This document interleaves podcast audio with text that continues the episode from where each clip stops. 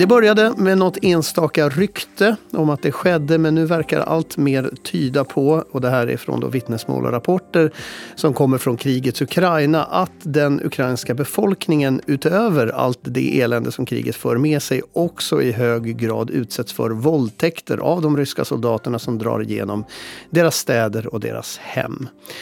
Och frågan är då, är det här systematiskt? Är det här del av någon strategi? Eller är det helt enkelt en konsekvens av krigets natur i sig? Jag heter Thomas Selén och vi ska tala om våldtäkt som vapen i krig i dagens nyhetspodd. Jag har med mig Frank Johansson som är verksamhetsledare vid Amnesty Finland. Hej Frank! Hej! Och jag ska passa på att varna här för att innehållet idag kan vara känsligt för vissa lyssnare och vi kanske tar upp detaljer som också kan vara väldigt obehagliga. Så med det sagt um, så är det ju så att historien är fylld med otaliga referenser till krig där den erövrande armén mördar, de bränner, de skövlar och stjäl och de våldtar. Och i många fall så var ju kvinnor och barn en del av ett krigsbyte som man erbjöd soldaterna som betalning. Och jag säger var för att den här, liksom, den här sortens barbari, den känns liksom som en kvarleva från just antiken eller medeltiden eller någonting. Fast är den verkligen det, Frank? Nej, tyvärr är det nog inte det. Eh, och, och, det som du börjar med, alltså beskrivningarna från, från vad ryska soldater eh, uppenbarligen ganska systematiskt, som du sa, har, har gjort nu i, i Ukraina, så visar det ju på att det, det inte är någonting från medeltiden, utan att det fortgår fortfarande.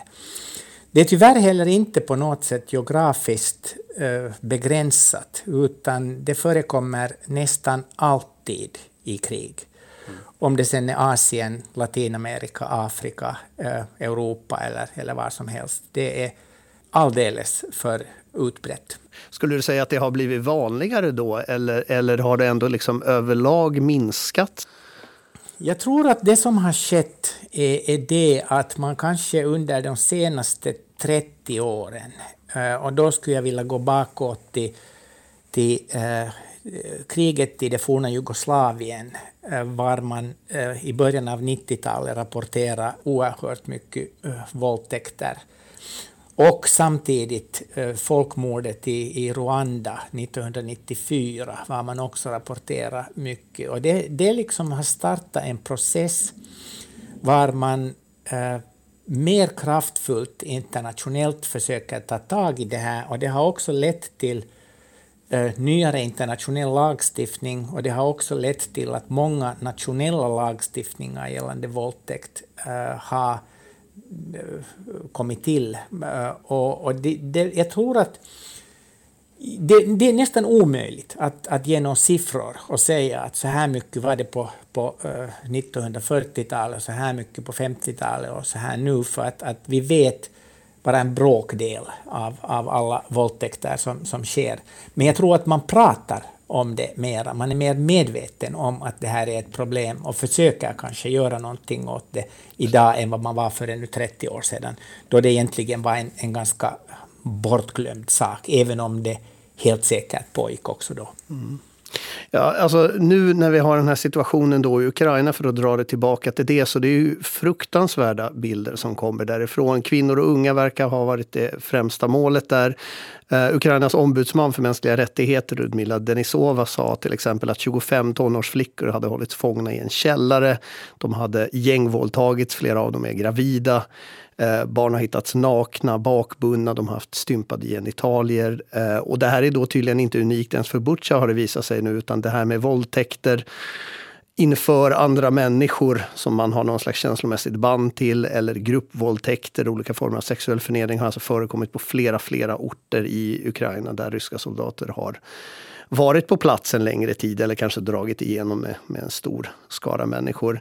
Eh, och, och, jag menar, det diskuteras ju nu huruvida det här ska anses vara någonting liksom systematiskt, alltså att det är en del av det här liksom krigsstrategin medan andra då kanske argumenterar för att det här är nu bara en del av det. Men vad säger du själv?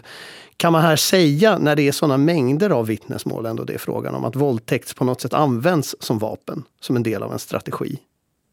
Eh, det tror jag nog att det görs, och jag tror inte att, att Ryssland är den enda parten som gör sig skyldig till det här.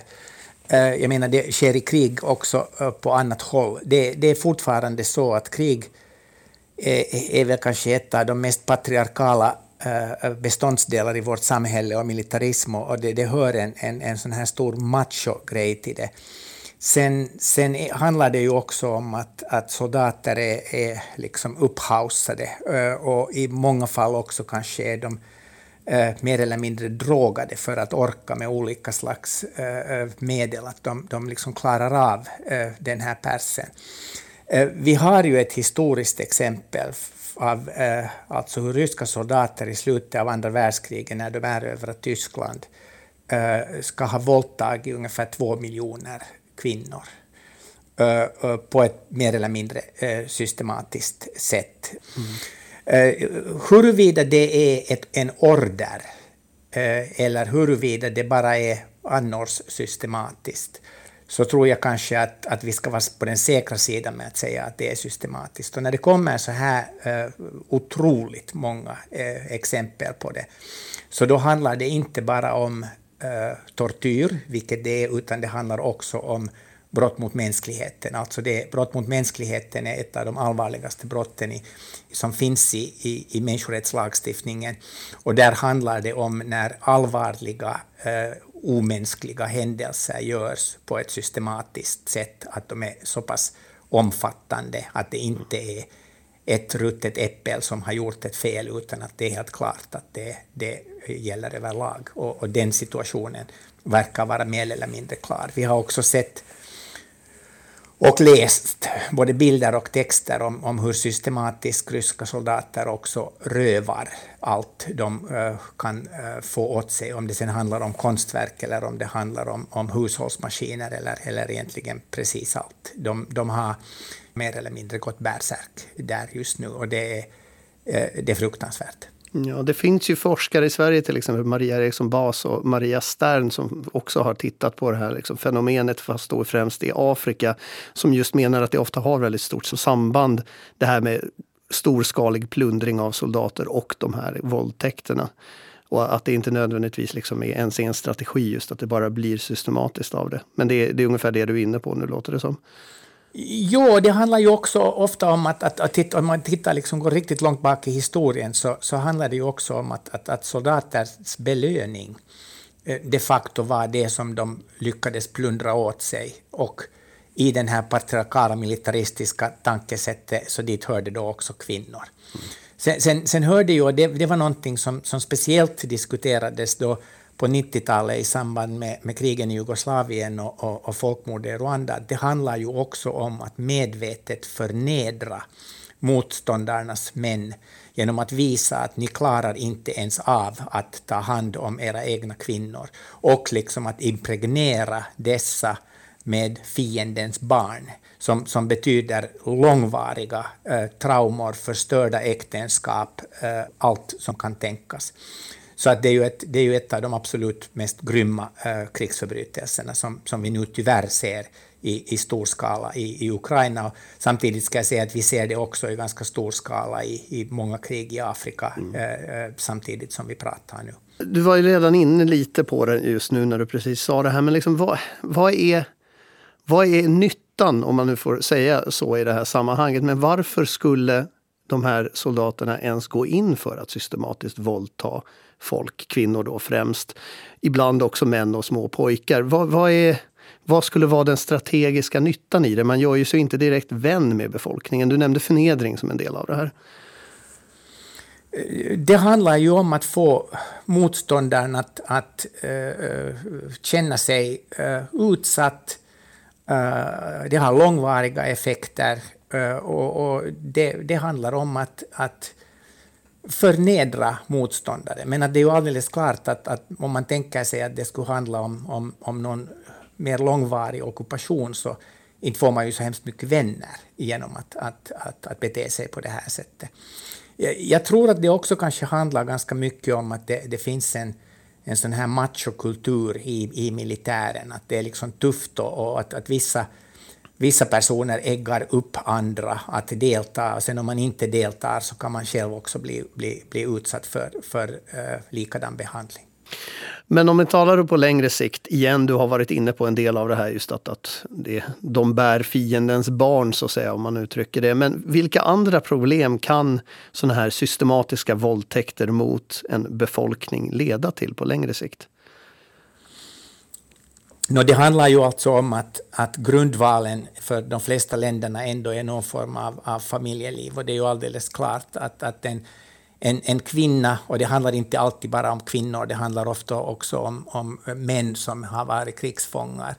Så de har blivit djupt förnedrade, de har säkert till och med blivit fysiskt lemlästade. Eh, det finns, speciellt i Afrika så har det äh, finns det liksom äh, tiotusentals kvinnor vars, vars könsorgan äh, helt enkelt inte längre fungerar normalt för att de har blivit gruppvåldtagna äh, på ett mycket grovt och, och, och hemskt sätt.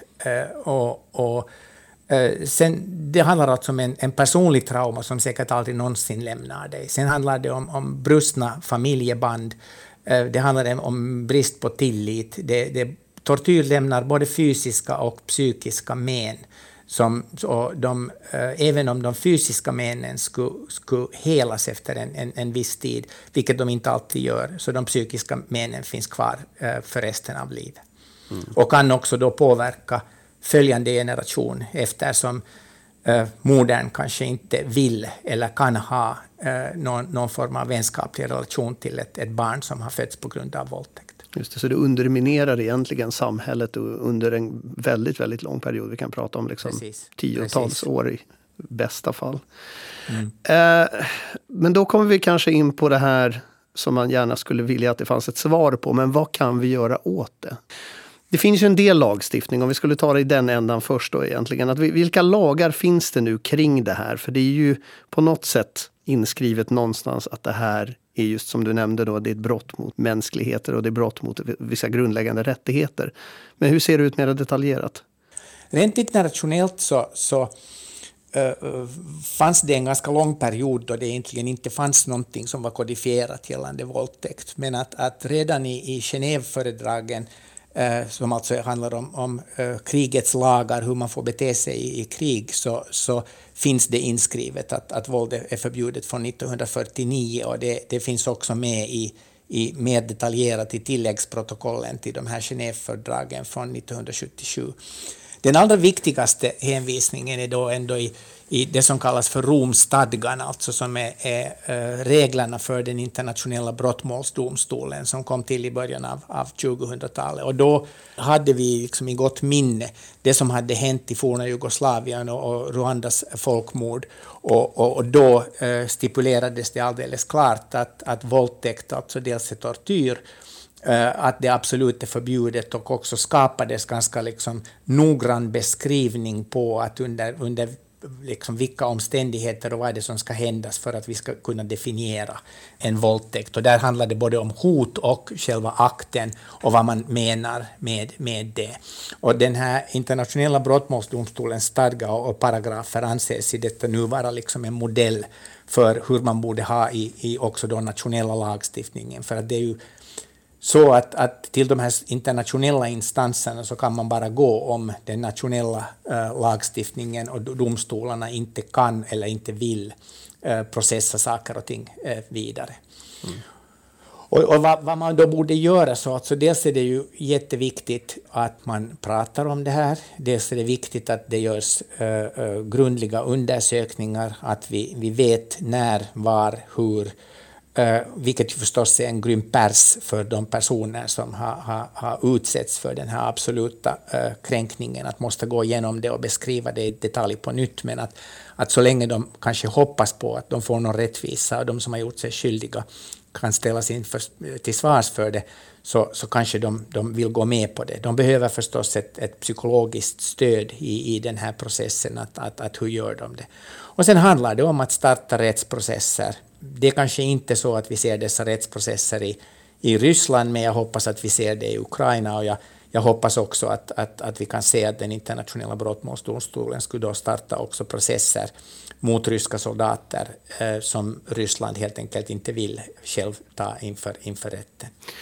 det här är ju massiva hjul som ska vara i rörelse för att sådana här saker ska komma till stånd. Men under tiden så har vi ju då människor som har utsatts för det här.